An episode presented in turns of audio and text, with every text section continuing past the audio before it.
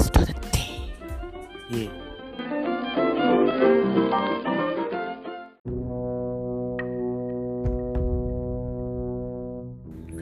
ယော what's up so ဒီတစ်ခါဘာပြောရင်ကောင်းမလဲစဉ်းစားထားတယ်စိတ်ထဲမှာဘာပေါ်လာလဲဆိုတော့ကျွန်တော်တို့ပြန်တန်းသွားတဲ့အကြောင်းတွေပေါ်လာတယ် ဘာလို့ပြန်တန်းသွားရလဲဆိုတော့အိမ်မှာကျွန်တော်မွေးထားတဲ့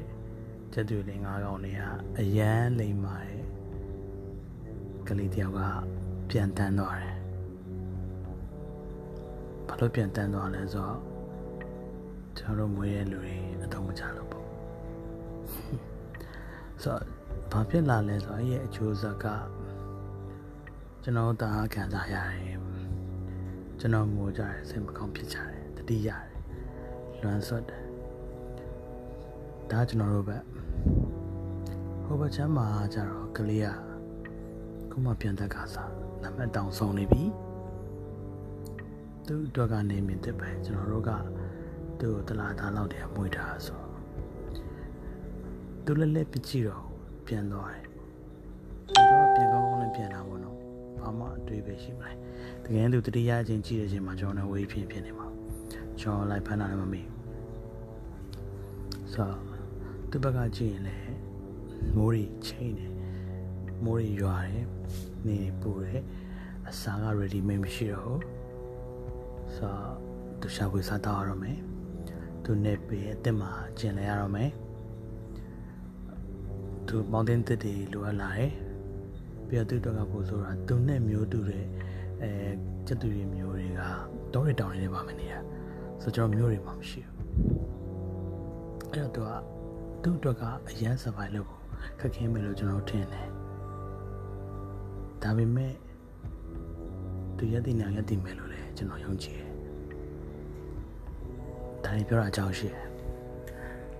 ဆိုတော့ကျွန်တော်တို့ကလည်းကျွန်တော်ကကျွန်တော်တို့အေးစစ်စစ်နေကြတာအဆင်ပြေတယ်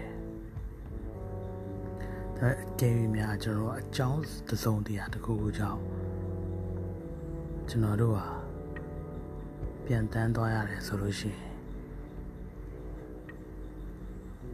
how will survive ဆိုတော့ကျွန်တော်ဘယ်လို survive လုပ်မလဲ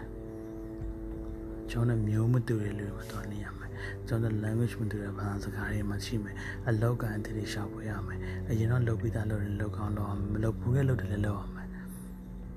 ကျွန်တော်နေဖို့ထိုင်ဖို့ကိုဖို့တော့လည်းစူးစမ်းရမယ်ဆိုတော့ကျွန်တော်ယာယီပြောနေကြလို့ဆို comfort zone နဲ့ထွက်သွားတာပေါ့တမတာ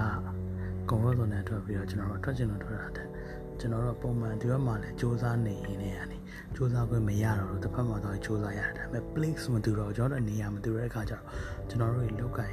စားတော့ရတဲ့အချိန်မှာကျွန်တော်ပတ်စံရှာဖွေရတဲ့နီးလန်းမှာကျွန်တော်အရန်ကွာသွားတယ်၊ကွဲသွားတယ်